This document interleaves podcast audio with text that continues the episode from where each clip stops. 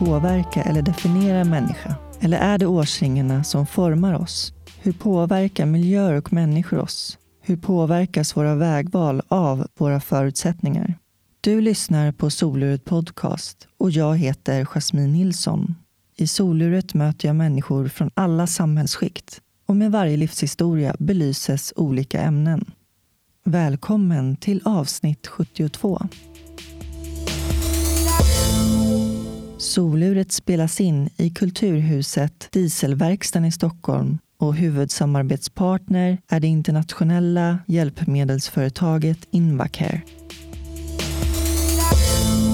Idag får ni möta Louise Sassen. När Louise var 39 år gammal fick hon beskedet om att hon hade trippelnegativ bröstcancer. Hon var mitt i livet, arbetade som arkitekt och var ensamstående med två barn. Efter tio månader av tunga behandlingar började hon teckna illustrationer om livet med bröstcancer och startade Instagramkontot Cancerkompisen.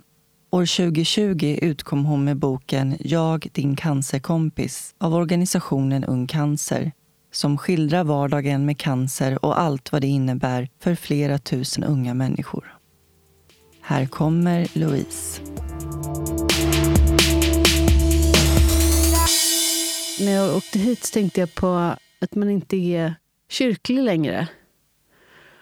Och när jag gör våra poddavsnitt för jobbet så är det, ju, det är lite som att som terapi.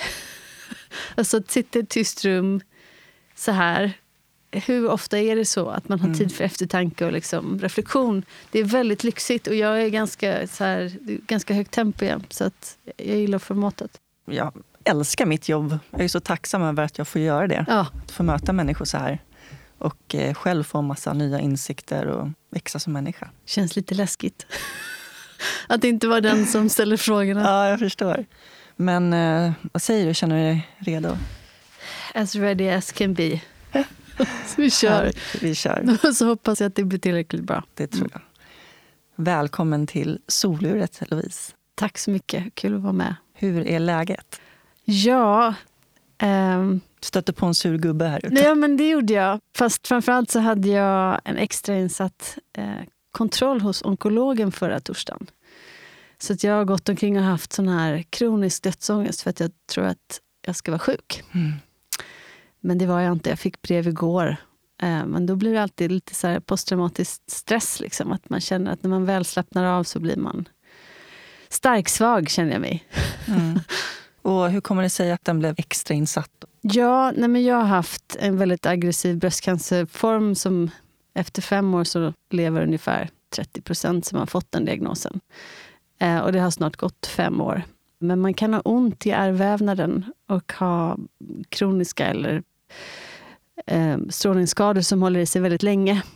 Och det gjorde ont. Och när jag en gång i tiden fick cancer så gjorde den ont. Och då trodde jag att jag hade fått ny cancer. Mm. Så därför var den extrainsatt. Vilket stresspåslag det måste bli. Ah, sjukt. Inte bara för mig, utan även för min kille, min mamma, min Ja. bästa vän. Ja, eh, vi ska gå in lite mer på det, tänker jag, sen. Ja. Vad gör du för någonting?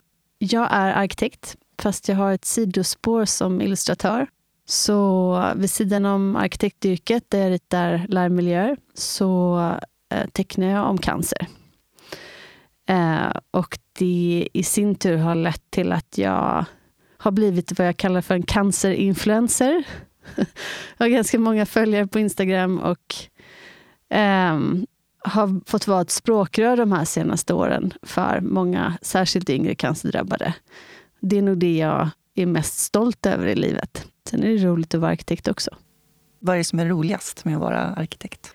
Jag tror att det handlar om att kunna förlösa idéer och eh, tillhandahålla bra miljöer som funkar för alla. Eh, med fokus på lärmiljö såklart. Eh, men ehm, det är nog de mänskliga mötena mer än själva eh, gestaltandet. Eh, se till att det blir bra för de som kommer vara i miljöerna. Mm. Men jag tycker att vi ska ta det från början. Ja. Eh, Du föddes den 7 oktober 1976. Mm. Vad vet du om den dagen? Wow, vilken fråga. Det har jag aldrig... Jag vet att min mamma har namnsdag. Eh, Vad heter din mamma? hon heter Birgitta och min pappa heter Olof, kallas för Olle. Och jag vet att min pappa som är pensionerad läkare, han tyckte inte att förlossningspersonalen, hon blev igångsatt på sin namnsdag, hon fick välja dag själv. Och eh, han hjälpte till att förlösa mig, för han tyckte att den här uh, unga läkaren som skulle göra det inte gjorde tillräckligt bra Wow. jobb. Det vet jag. Vart någonstans? I Göteborg, i Annedal. Jag tror att det var på Sahlgrenska. Där är jag född och uppvuxen. Och hur ser din familj ut? Wow, den är jättestor och jättebrokig.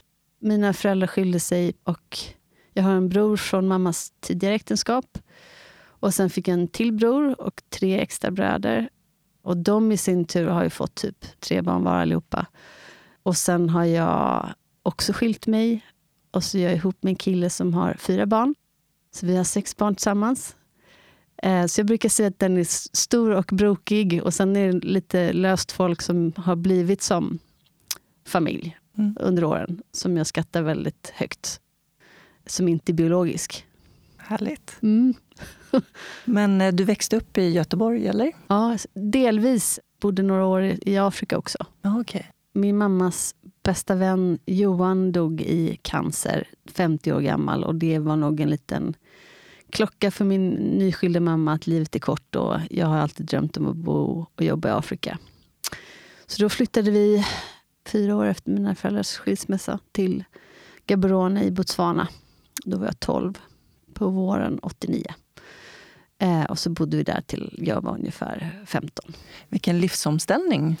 Ja, den har nog präglat mig ganska fundamentalt faktiskt. Ehm, Det blev en aha-upplevelse både att vara minoritet men även mamma jobbade för Röda Korset och med eh, kommunbaserad rehabilitering, det vill säga ta hand om eh, personer med funktionsvariationer ute i byarna. Så det var en ögonöppnare på så otroligt många olika plan. Alltså vilken viktig erfarenhet, tänker jag, får du så tidigt. Det perspektivet. Absolut. Samtidigt så kände jag så här, när, man, när jag kom tillbaka till Sverige när jag var 15 så ville man ju vara, jag ville vara normal, jag ville vara precis som alla andra. Eh, och det var inte en själ som var intresserad av allt jag hade varit med om. Nej. Så att allt hemma var som vanligt fast jag hade förändrats. Så den grejen var jag nog inte beredd på. Ja, jag förstår. Så det var ganska jobbigt. Innan, då, innan ni åkte dit, vad, vad kände du då inför att flytta till? Nej, men jag var Botswana. jättearg på mamma. Jag ville ju hänga med mina kompisar. Eh, sa liksom, hur kan du ta mig till Afrika där alla har aids? Och jag tänker så här, det här var ju innan kalla kriget föll, innan Berlinmuren föll och perestrojkan och hela skiten. Liksom. Så att det var en annan, vi hade en annan världsbild. Man kallade utvecklingsländer för tredje världen och man skulle åka, åka dit och hjälpa. Liksom. Det var ju så här. Så att, nej men jag vill inte alls åka. Men jag har faktiskt kvar ett jättestort umgänge från den tiden som är utspridda över världen. Både personer som kommer från Botswana ursprungligen men också sådana som har föräldrar som har varit biståndsjunkies, precis som min mamma var ett tag där. Vad intressant benämning, biståndsjunkies. Ja, men jag tror just det att det är svårt att komma hem. Då, istället för att liksom acklimatisera sig så tar man nästa uppdrag mm. och sen har man ett nytt äventyr. Men hur var livet då i, i Botswana? Alltså vi bodde ju jättebra. Vi hade en maid och en garden boy. Det hade ju i princip alla. Och det har folk fortfarande för att det är så här arbetstillfällen. Men um, det var ju som parallella världar. För man hade ju dels de här föräldrarna då som hade följt sitt kall och min mamma likaså. Liksom, som var ute i bussen och sov på jordgolv och det var väldigt enkelt. Liksom. Och sen så var det det här parallella livet i storstan med ett liv som är ganska identiskt det som man har i Sverige förutom att man liksom kanske hade swimmingpool eller eh, åkte skolskjuts och sådana grejer. Så jag skulle säga så här att bilden som vi har av Afrika är ju liksom ganska... Man tänker att folk bor i hyddor fortfarande. Men det är ju liv som påminner väldigt mycket om våra egna liv. De som har det bra där har det väldigt bra. Mm. Men de som är fattiga har det väldigt fattigt. Men dina föräldrar separerade då strax innan. Mm, gjorde de. Hur, hur var den separationen för Oj, dig? det har varit eh, ett jättetrauma. Eh, jag var tvungen att bli förälder själv för att mina föräldrar skulle börja prata med varandra igen och eh, ha en kontakt som är, idag är, bra. Liksom. Eh, men 27 år tog det. Mm. men, men nu är de vänner. Och din relation till din pappa då, med tanke på att ni flyttade? Eh, nej men det var svårt för att han...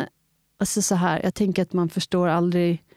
Som barn kan man inte förstå föräldrars val eller varför det har blivit som det har blivit. Och man är inte någon förskyllan i det heller. Men han... Eh, han eh, gifte om sig och min lillebror kom. Eh, och det hade jag ju inte så bra koll på eftersom jag var väldigt långt bort. Och på den tiden kostade det 18 kronor i minuten att ringa Eh, och det fanns liksom inte mejl och sånt. Eh, och idag tycker jag att det är fantastiskt att ha fått en lillebror. Och uh, så, det är en bonus. Men då var det jobbigt liksom. Samtidigt som jag kan tänka sig att det är klart att människors liv går vidare. Och det var ju någonstans min mammas beslut att fullfölja sin dröm. Eh, men det är nog det som har varit en följetong i mitt liv. Att jag har levt andra människors drömmar och gjort vad andra människor tänker att jag ska göra fram till att jag fick cancer egentligen. Men vem var du som liten då? Ja, men jag var nog ganska så kavat och jag var en bra kompis och ganska positiv fram till att mina föräldrar skilde sig. Ehm, det var intressant när jag blev sjuk så trodde ju, alltså det såg ju inte så bra ut från början. Utan det var liksom en ganska aggressiv cancerform. Och då fick jag ett mejl av en gammal klasskompis som skrev typ varför skulle just du drabbas? Du var liksom alltid inkluderande och schysst mot alla. Såg till att alla fick vara med. Och du var den första som bjöd hem mig. Ja, det var fint, jag blev glad då. Um, så jag tror att liksom, den grejen är nog central och är fortfarande central. Att se till att folk får vara med Eh, Sammanföra människor. Ja, det tycker jag är fantastiskt kul. Mm. Verkligen. Men mycket mer orolig i själen mm. efter skilsmässan. Och sen tror jag liksom att det här med... Eh, minns att jag fick höra någon gång att människor utrustas med olika sjökort. Och på en del sjökort så är det inga grynnor eller grund. Utan man seglar på och allting går bra. Och då blir man ju liksom en annan typ av människa än om man har gått på grund eller liksom till och med kapsejsat. Um, och det formar en, tror jag. Då blir man... Um, jag skulle inte vilja säga att man blir... Man präglas på så sätt att man kanske blir stark-svag. För att i det där, så, i traumat eller det som man gått igenom så finns det ju också någon slags genuin överlevnadsstyrka eh, och superkrafter man, som man faktiskt har. Det vet man ju inte om förrän man har varit med om det där. Eh, men man präglas onekligen. Mm, definitivt. Det låter ju verkligen som att du blev ju vuxen fort. Mm, men det blev jag. men jag var en udda fågel. Det var jag. Det som på något sätt var härligt i Afrika var väl att, liksom, eller Botswana då, var ju att det var lite en skyddad verkstad. Vi fick vara barnsliga lite längre. Det var liksom dubbelt där också. Vi, vi som bodde där fick se grejer och uppleva saker som, som kanske få i vår ålder hade gjort. Men å andra sidan så var det liksom en skyddad verkstad. Göteborg, början av 90-talet, var tufft tyckte jag. Och jag var väl inte beredd på det, förändringen som hade skett i mig. Mm. Hur gick det i skolan när du hade kommit tillbaka? Nej, men skolan gick nog alltid ganska bra. Och jag har ju alltid haft min tillflyktsort i tecknandet. Och det var alltid credit att vara bra på att teckna. Det tyckte alla alltid var coolt. Och jag hade nog mitt gäng, men min mamma var ganska tuff. Eh, jag skulle vara hemma två timmar innan alla andra på kvällarna. Och samtidigt så reste hon fortsatte att ta så internationella uppdrag, så jag var väldigt mycket ensam. Eh, så det var dubbelt. Jag hade liksom lite dubbla liv. Ett liv när jag var snäll och duktig och ett liv när jag var lite busig och hade fest hemma för att huset var tomt och sånt där. Mm. Ja, få leva ut lite och det kanske blir ännu mer ännu större behov om man, när hon väl var hemma och ville ha den här kontrollen. Liksom. Verkligen. Eh, verkligen. Men man om, var lite Dr. Vad säger man? Mr Jekyll och Dr Hyde? Mm. Dr Jekyll och Mr Hyde, Mr. Hyde ja. Mm. Och sen eh, till gymnasiet. Vad gick du för gymnasieutbildning? Då gick jag utökad estetisk, samhällsvetenskaplig linje. Det här um, kreativa och mm. estetiska, mm. var kommer det ifrån? Är det ja, men jag, tror, jag tror att det kommer nog väldigt mycket från min mammas sida. Hon är arbetsterapeut i botten. Och på den tiden när hon utbildade sig i början av 60-talet, då var liksom så här handarbete och den typen av så kreativt arbete en del av rehabiliteringen. Så eh, hon var duktig på det där. Sy och sticka och hade ganska så tuff ekonomi så att hon sydde mycket kläder till oss och sånt där. Och det fanns plats i huset och måla och sånt. Så att jag, det blev nog en ganska liksom, stark identitet hos mig. Och ja, jag målade jättemycket och ställde ut. Sålde tavlor till min klassföreståndare. Fick göra skolomslaget på skokatalogen. Sådär. Och så var det en tillflyktsort. Mm. Det är ju intressant liksom just det här med känslan av frihet eller som du var inne på med att växa upp snabbt. Att vara till lags, man kan se det ganska mycket i det jag gjorde, att det var liksom fina akvareller. Men de kanske inte sa så himla mycket, utan det var så här, ja, men jag satt ute i naturen och målade. Liksom. Mm. Där kan jag ju känna att eh, i och med mitt tecknande för Ung Cancer och i en bok som jag gett ut med Ung Cancer som heter Jag din cancerkompis, som medlemmarna får, så har jag kunnat få eh, liksom ha ett helt annat maner, ett annat uttryck som kanske är mycket liksom, mer mitt eget än mm. att göra bilder som är till lags. Och det föddes ju ur någonting helt annat ja, också. Ja, en på nytt födelse mm. tänker jag. Mm. Mm. En känsla av att jag kan inte leva på något annat sätt eller ge uttryck för någonting annat än ren och skär autenticitet. Det har jag inte tid med. Mm. Det var dyrköpt, men bra. Och betydelsefullt för många. Verkligen. Andra. Vad hade du för drömmar som barn? Wow. Ja, men jag... Så jag ville nog bli barnboksillustratör eller jobba med animerad film. Typ hos Disney eller någonting. Men på den tiden så var ju det närmaste man hade kommit liksom av animerad film var ju de här liksom på Barnkanalen när de visade så stop motion filmer. Det krävdes ju så mycket teknik liksom, så det kändes som att det var omöjligt. Um, och sen blev jag ihop med en kille som tyckte att jag skulle bli arkitekt för att eh, det var så osäkert. Liksom marknaden för illustratörer eller grafiska formgivare var så himla osäkert. Och arkitekter var ett riktigt bra yrke. Och jag var ju van liksom att någonstans vara en pleaser, så då blev jag det. Mamma hade fixat praktik till mig 1992 på ett ställe som heter White i Göteborg. Så jag hade ju liksom byggt modell och jag hade ritat ett hus. Och jag var ju bra på det där, så det var ju ganska kul. Liksom. Mm. Tänkte jag väl att ja, men det kan jag bli. Men sen var ju själva grejen när jag väl började plugga till arkitekt var ju att jag träffade så otroligt fantastiska människor. Och jag har liksom hela tiden funderat på vad skulle jag göra istället? Uh, och jag har inte kommit på något bra. Nu kan jag väl tänka så här att kommunikation genom bild och text är väl liksom det som ligger mig kanske allra närmast. Mm. Å andra sidan kanske det är bra. En del av njutningen kanske hade gått förlorad om det var det som var min födkrok. Kan jag tänka. Och vad valde du för inriktning? Vad tänkte du att du ville jobba med? Man väljer ju egentligen inte inriktning annat än att du kan jobba med hus eller stadsutveckling eller stadsbyggnad. Just. Inriktningen har nog kommit mer på senare år.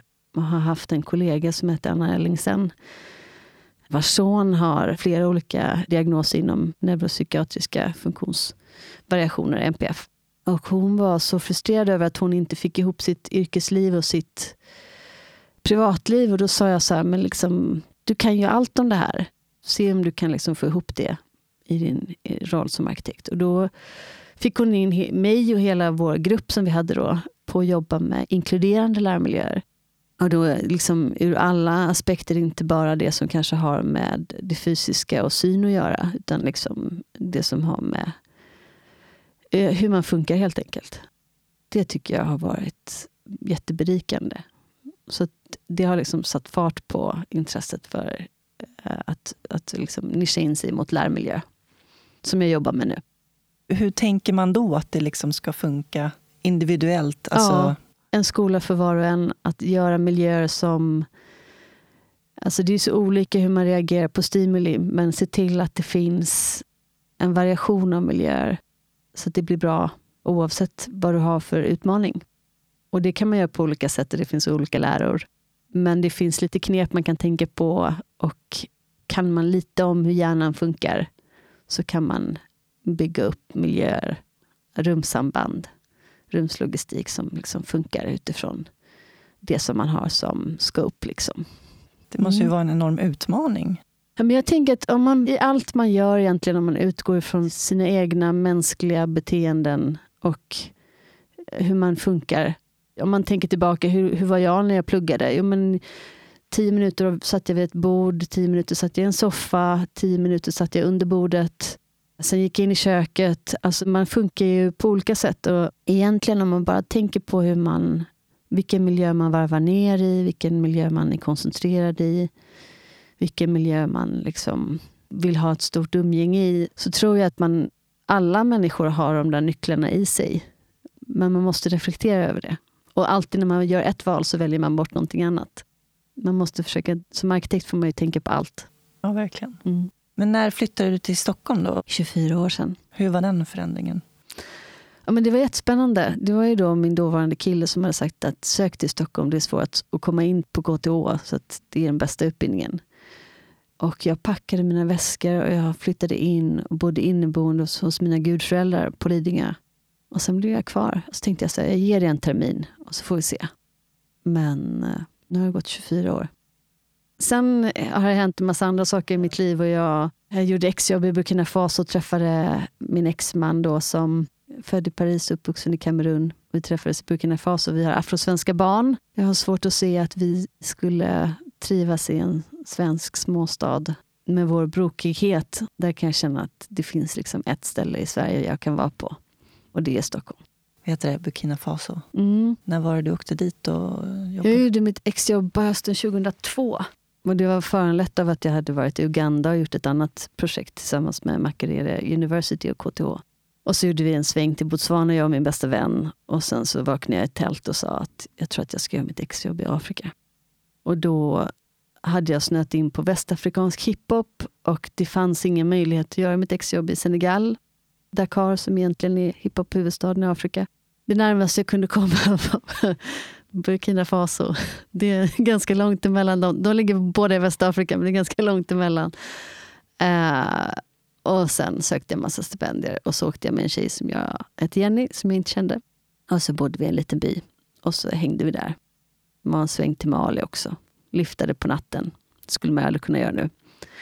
Men det var roligt och fantastiskt och då träffade jag det som sen blev pappan till mina barn. Vilket äventyr ändå. Mm. Det var Africa my way kunde jag känna. Så att jag hade gjort södra Afrika med mamma på hennes vis. Mm. Och Uganda blev liksom en brygga innan jag åkte till Burkina Faso. Då, uh, att göra det på mitt sätt.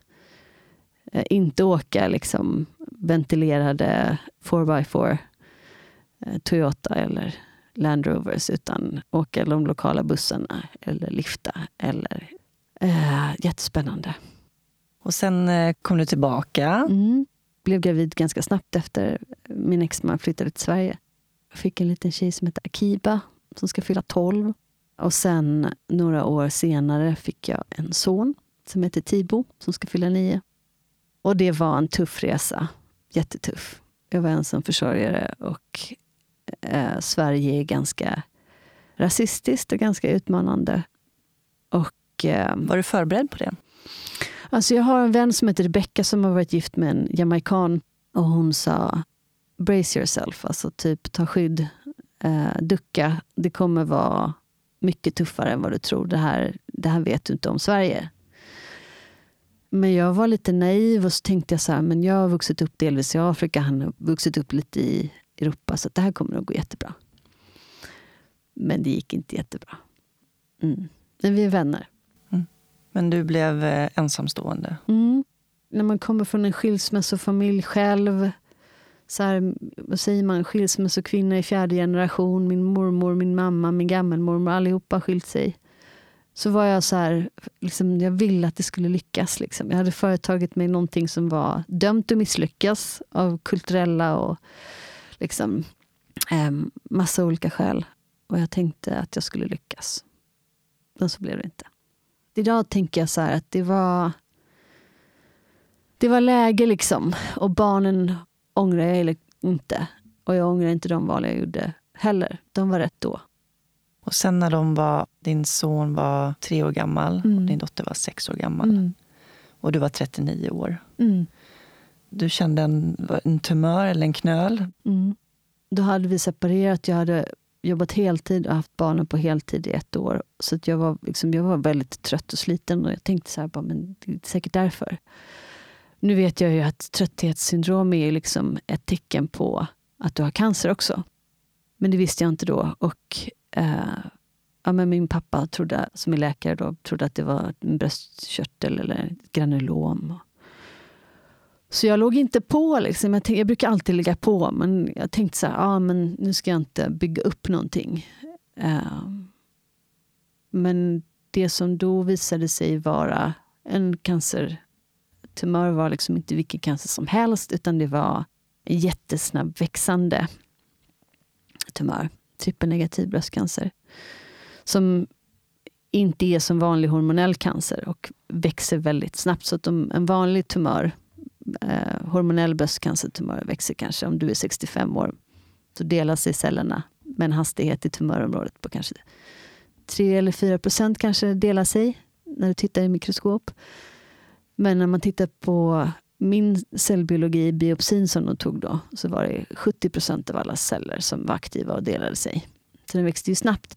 Vilket då hade också lett till att den under de här tre veckorna förmodligen spridde sig till mina lymfkörtlar. Och det är lymfkörtlarna som gör att man kan transportera bröstcancerceller ut i resten av kroppen. Som kan sätta sig i levern eller skelettet eller mm. i hjärnan. Ja, precis. Det är ju det sista man vill. Mm. Jag hade aldrig hört det begreppet, trippelnegativ bröstcancer. Alltså, mm. Alltså, man hör ju bara på Nej, det hade inte jag heller. namnet. Liksom. Mm. Det låter aggressivt. Mm. Orkar du ta oss igenom hur det var när du till slut bestämde dig för att söka hjälp? Ja, nej men jag stolpade till Södersjukhuset själv. Och det var i slutet av, eller början av november. Um, och så gjorde man en mammografi.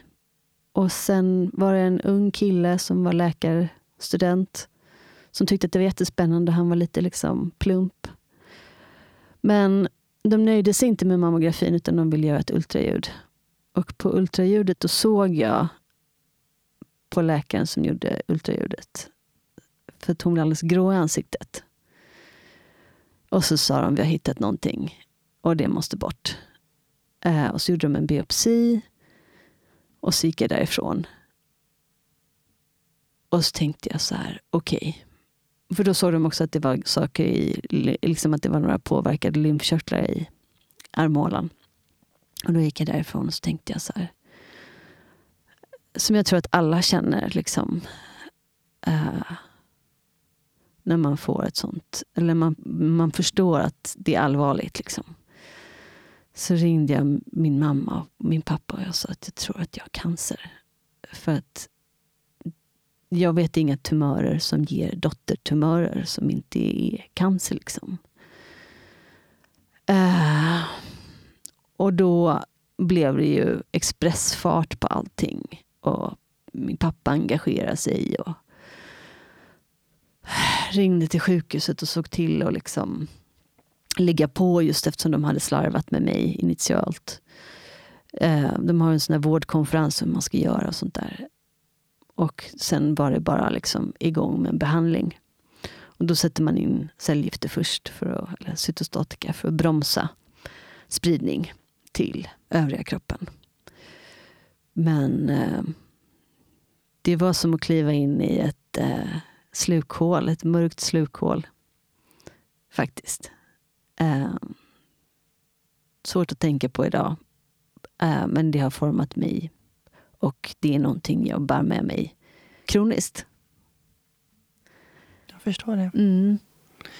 Och, eh, och så var det ensamstående Mm. och barnen var små. Mm. Det var mitt i livet. Ja, jag kände mig som att jag hade blivit dubbelt bestraffad. Liksom. Och så kände jag just det här att det var ett slag mot kvinnligheten och allt jag hade strävat efter och sådär.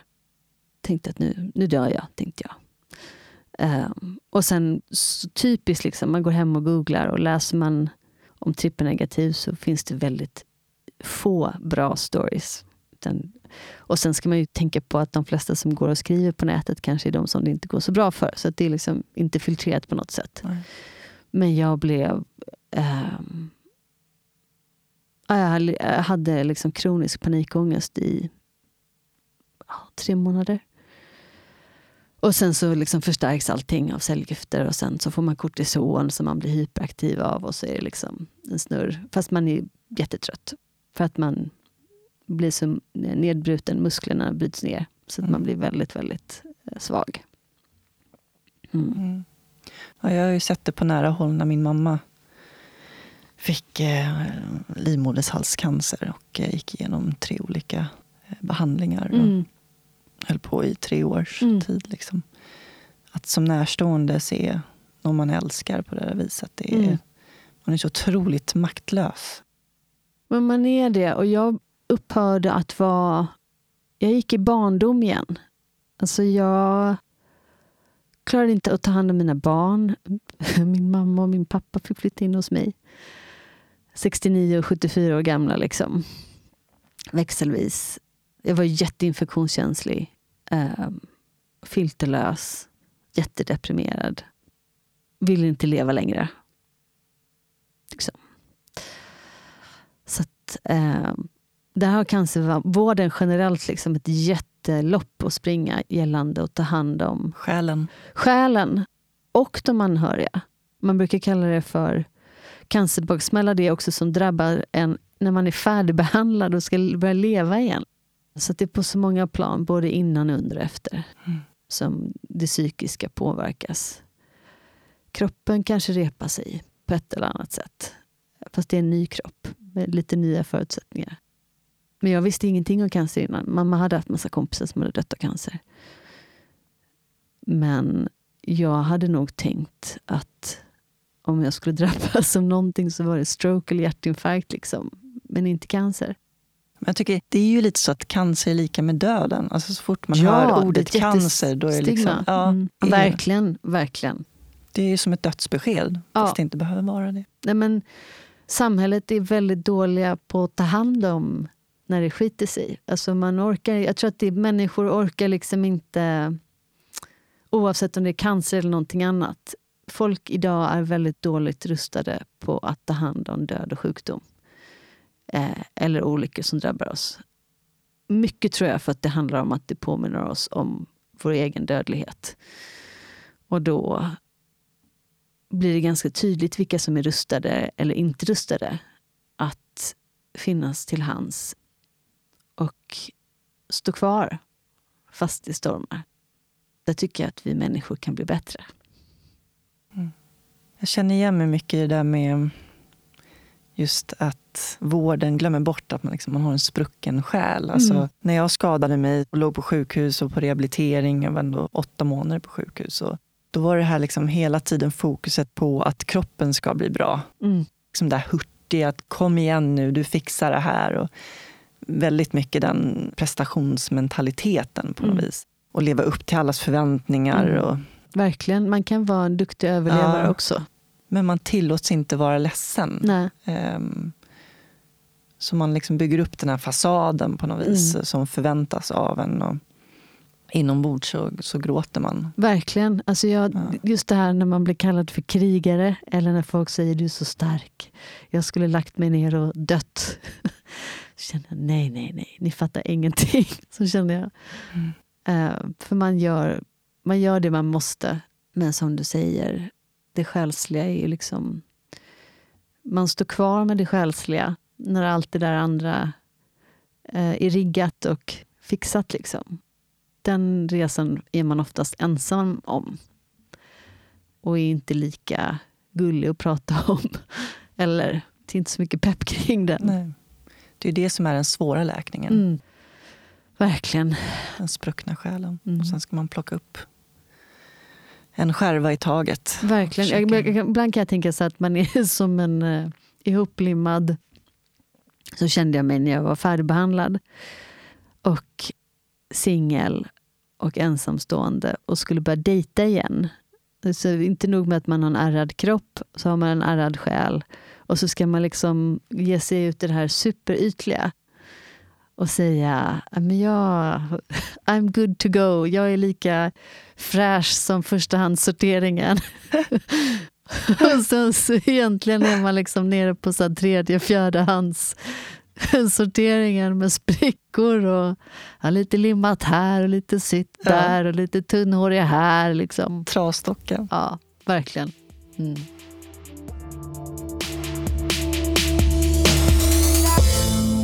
Nu tar vi en kort paus och ringer upp min samarbetspartner Invacare.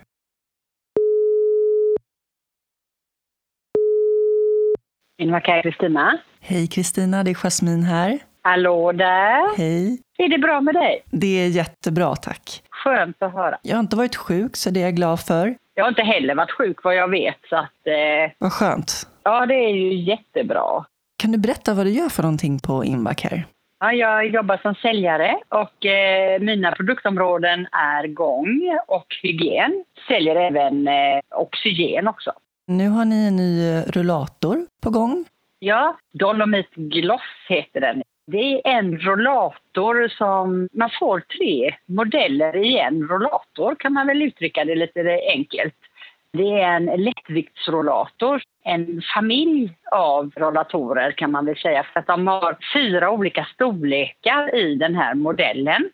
Eh, och i alla storlekarna då så är det olika bredder, olika djup, olika sitthöjder och olika handtagshöjder för att kunna passas till kroppen så bra som möjligt helt enkelt. Det är som rena rama multirullatorn. Ja, vi är väldigt eh, glada för just den här typen av rullator för det är ju en kryssfälld rullator och det har ju inte Invacare eller Dolomitrollatorerna varit eh, innan kryssfälld rollator med framåtvända handtag. Och det är unikt. Och det är också för, då för att få den bästa möjliga gången inne i rollatorn för bästa möjliga stöd. Man går inne i med handtagen nära kroppen vilket då främjar då ett upprätt gångmönster då som eh, sparar axlar och rygg. Så det är den optimala gångstilen för att få ett bra stöd med en mängd olika tillbehör dessutom. Perfekt.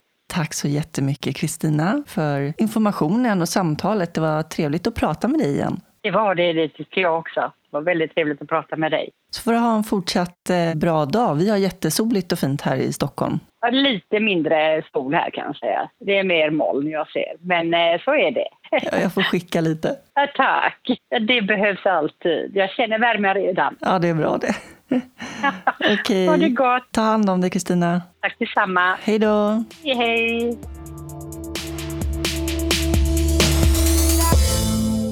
Men så i allt det här kaoset så hittar du ändå kreativiteten mm. och sätt att kanalisera känslorna, mm. tänker jag. Jag kunde inte göra det då. Var det när du var klar med ja. alla behandlingar? När jag var sjuk så låg jag bara och lyssnade på Vinter i P1 med pastorn som heter Thomas Sjödin. Jag är inte alls religiös, men eh, han hade ett sätt att prata om sitt eget livstrauma eh, som var så otroligt mänskligt. Så jag bara låg och lyssnade på honom om. Han har bara gjort tre avsnitt. Jag lyssnade på dem hela tiden. Och någon gång lyckades jag titta på ett matlagningsprogram. Det var allt jag klarade av. Men det var sen när min kompis Maja blev sjuk. Och jag nykter bredvid satt med i alla de här liksom, eh, undersökningstillfällena och operationstillfällena. Och behandlingstillfällena som jag själv hade upplevt. Men att sitta bredvid var någonting annat och då började min bearbetning och mitt tecknande kan man säga. Mm. Vad tänkte du kring det när du satte pennan mot pappret? Jag tänkte att ingen skulle tycka att det var relevant eller intressant. Och jag tänkte att jag gör det här för min egen skull, 100 procent. Eh, inte vara till lags, utan 10 gånger 10 centimeter och sen bara en bild och sen upp på Instagram. Och sen typ take it or leave it.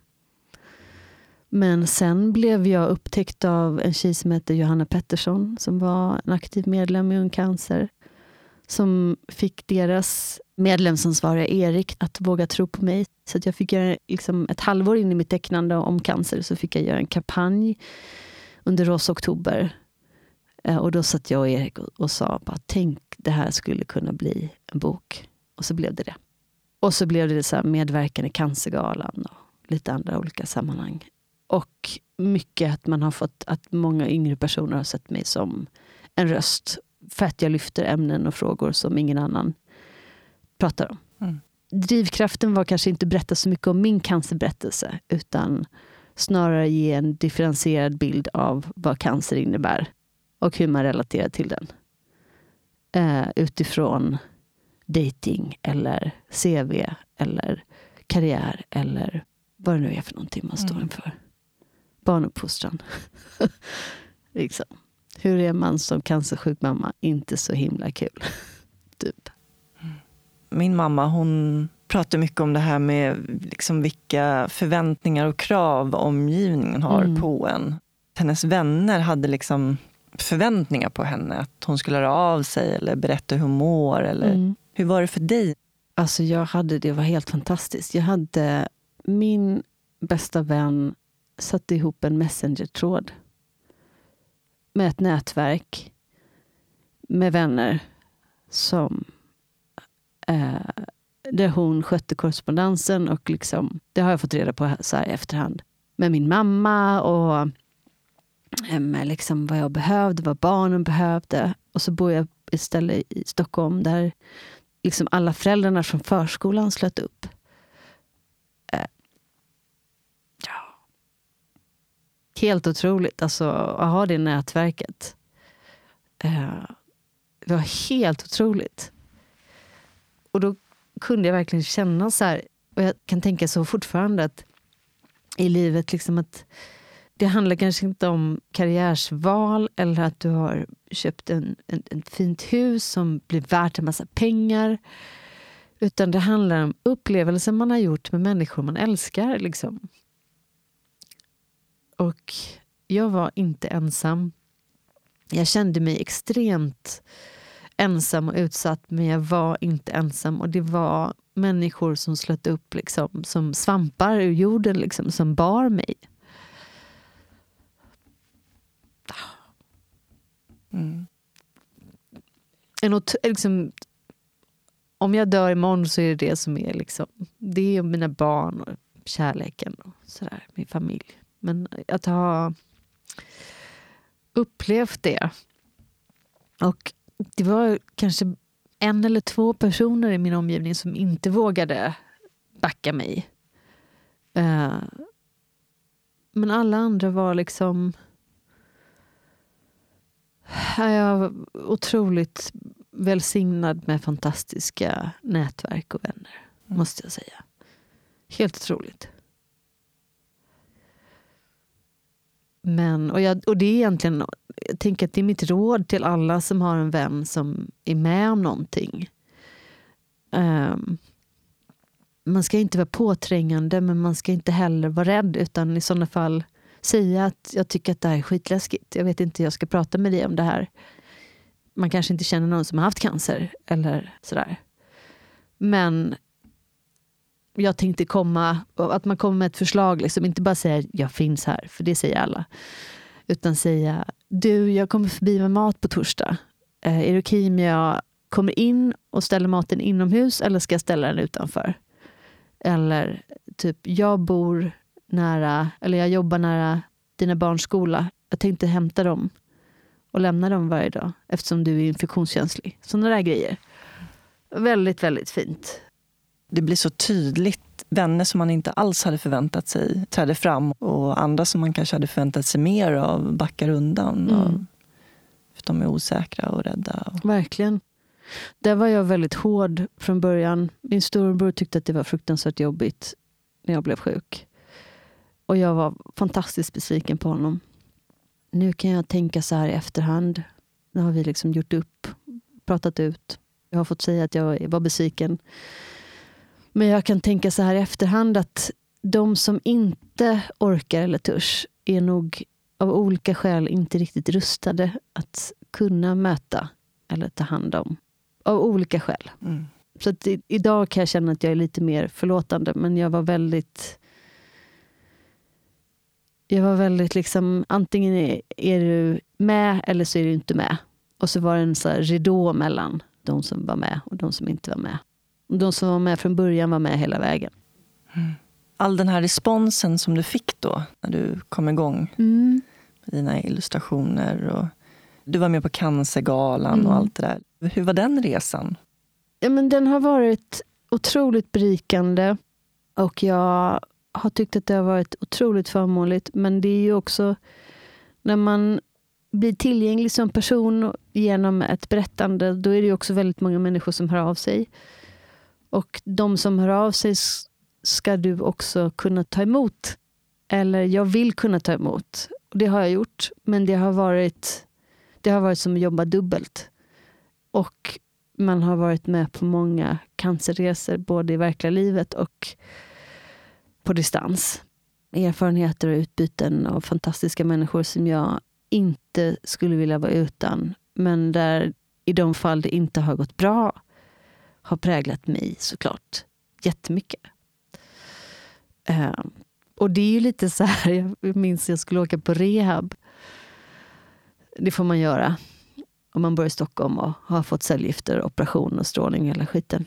Jag minns att jag sa till min bästa vän, jag tänker inte få några nya vänner som har haft cancer som kan få cancer igen, jag orkar inte det. och då så sa hon så här, det låter inte lik dig.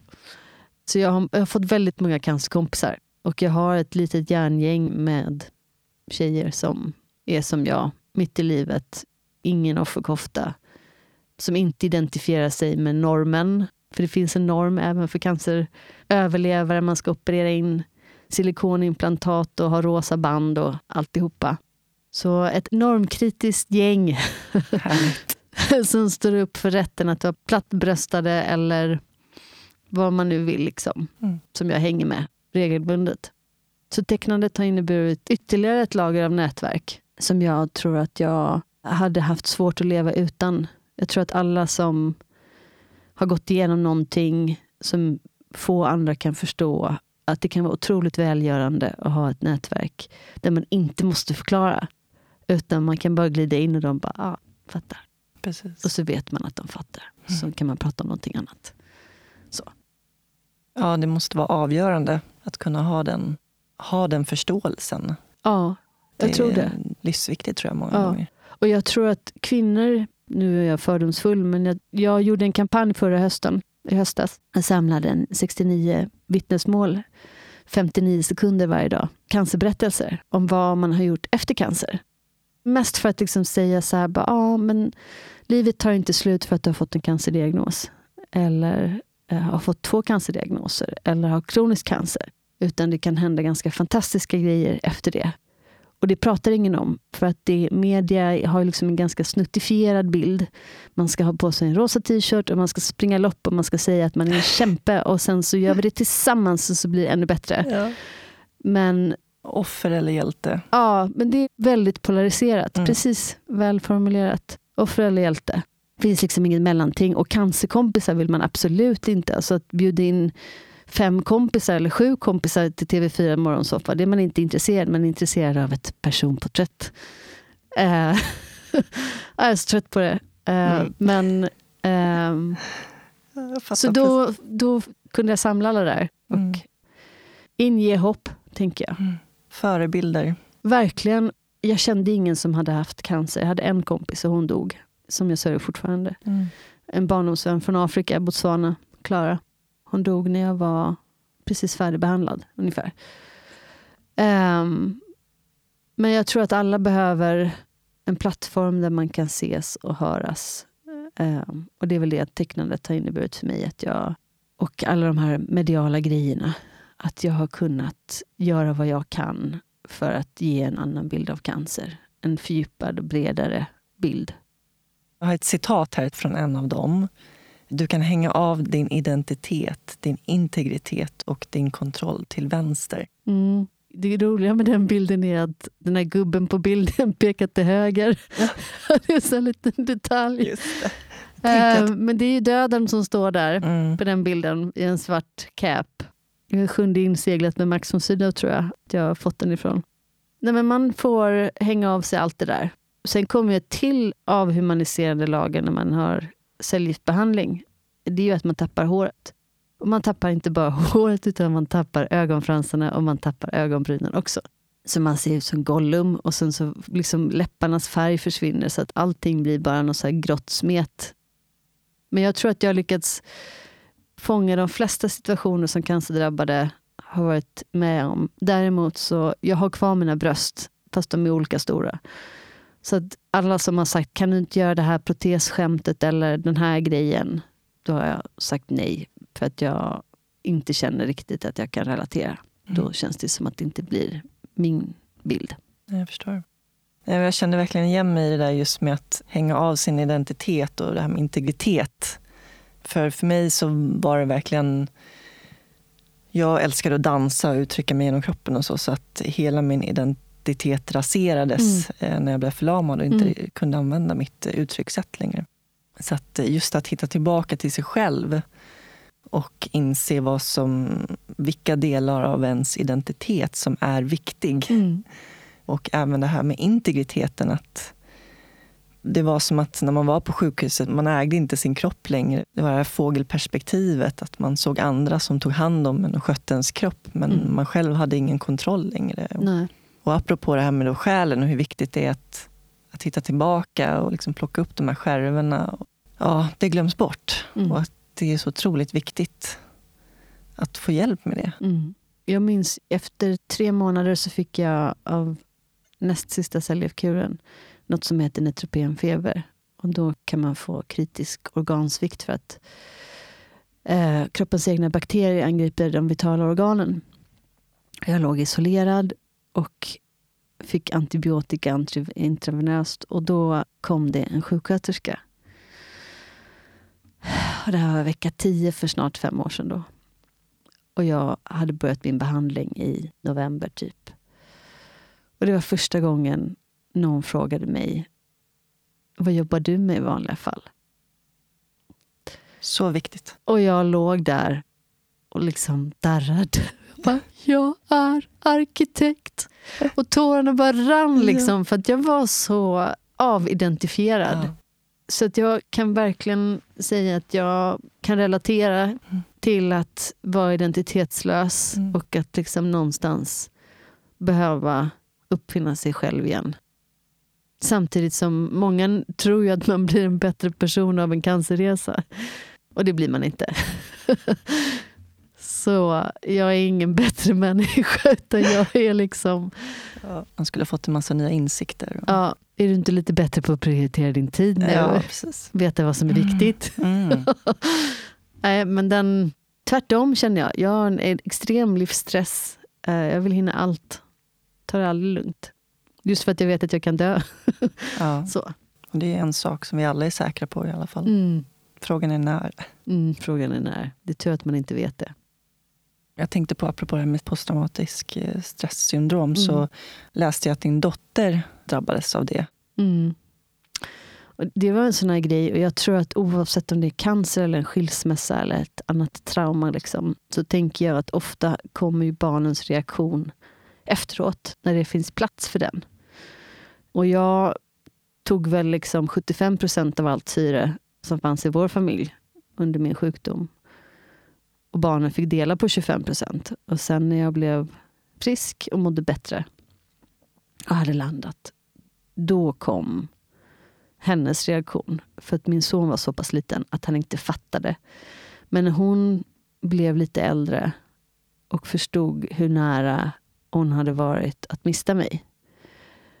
Eh, då fick hon en enorm dödsångest och eh, kunde inte kanalisera den.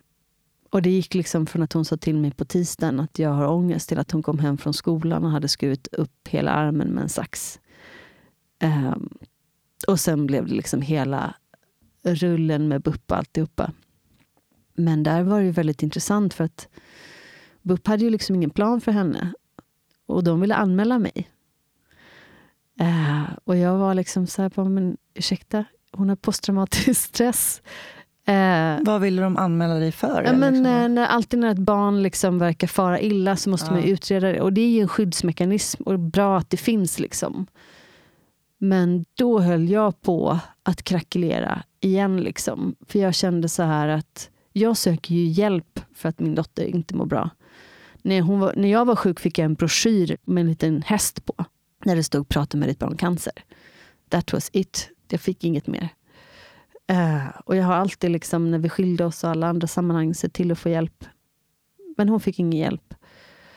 Och då sa jag det, om ni inte har en plan för uh, hur det här blir bra för min dotter. För min man, exman och jag hade precis liksom fått allt att funka igen mellan oss. Så kommer det här bara liksom riva upp saker. Och kan inte ni presentera en plan Uh, och det här bara är en pinne i statistiken så vill inte jag att ni gör det, så jag. För att jag har haft cancer och jag tror att hon har posttraumatisk stress. Så det var en massa utredningar. och sen efter sex veckor bara, jo, nu, är vi, nu är vi klara med våra utredningar. Vi tror att hon har posttraumatisk stress. Bra, sa jag. Då kan vi börja jobba. Jag vill inte hacka ner på BUP, men jag kan väl säga så här att de gångerna jag har varit i kontakt med vården så har det alltid varit en viss fördröjning innan, vi har fått, innan min familj har fått den hjälpen vi behöver. Men hon mår bra nu. Det är jätteskönt. Hemsk upplevelse att komma hem till det och se vad hon har gjort med sig själv. Mm. Men psykisk ohälsa oavsett liksom, för en förälder är ju att den här vanmakten man, man känner. Eh, och, och också en påminnelse för att jag vill ju att allting bara skulle vara bra då. Då var jag liksom så men snälla var glad, allt är bra, jag har inte dött. Det var ju inte den hjälpen hon behövde Nej. heller. Det var bara mitt behov av att allting skulle vara okej mm. ett tag. Så man måste påminna sig.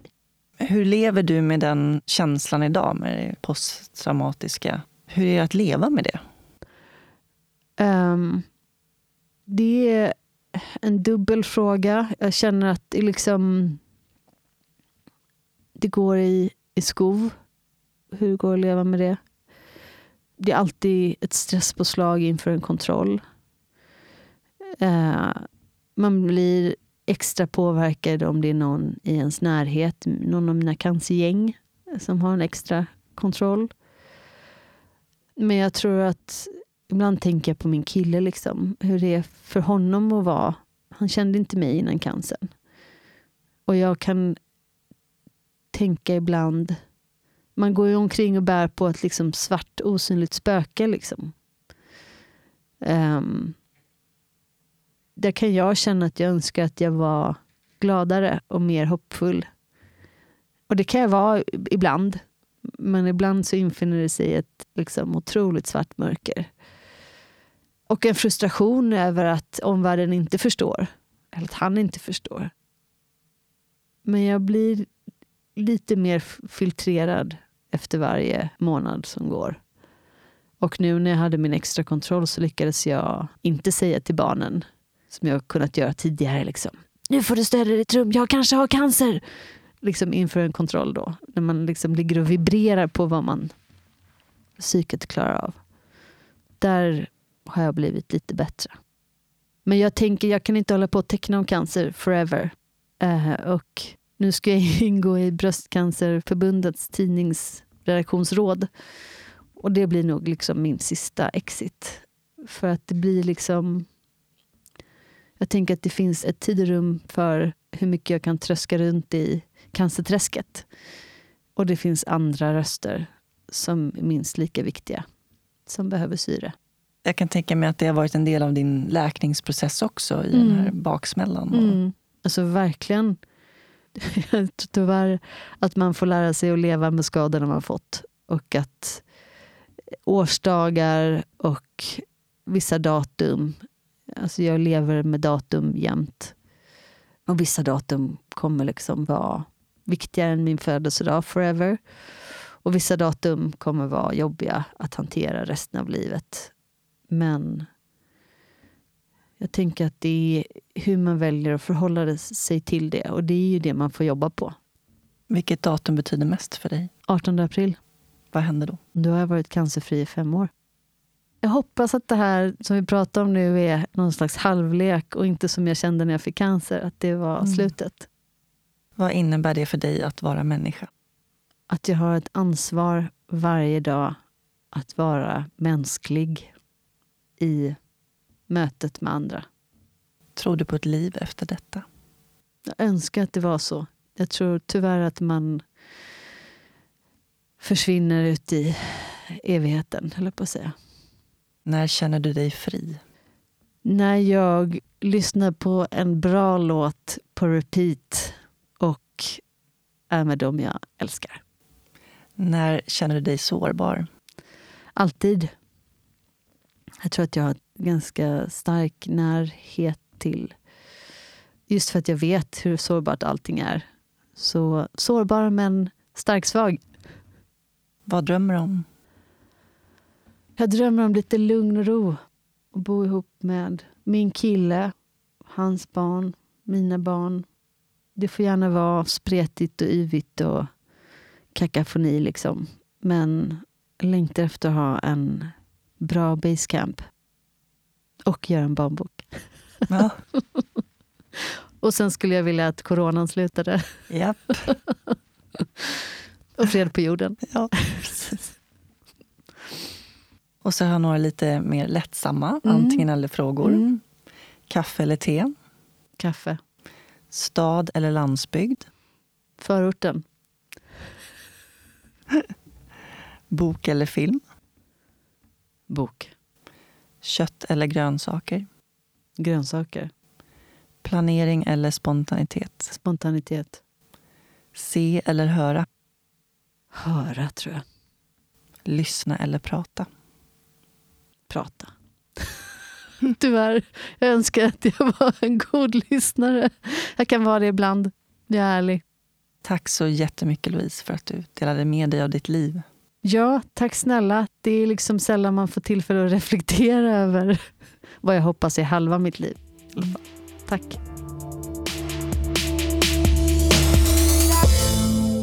Ni kan följa Louise på Instagram, hashtag cancerkompisen och hashtag thecancerfriend. Jag vill också rekommendera Louise podcast Lärmiljöpodden. Där möter hon gäster från bland annat skolvärlden, byggbranschen och politiken. Hon vill skapa en plattform där man lyfter frågor kring lärmiljön som är en stor del av våra barn och ungas vardag. Tack till min huvudsamarbetspartner Invacare. För mer information om Invacare och deras hjälpmedelsprodukter hittar ni på invacare.se.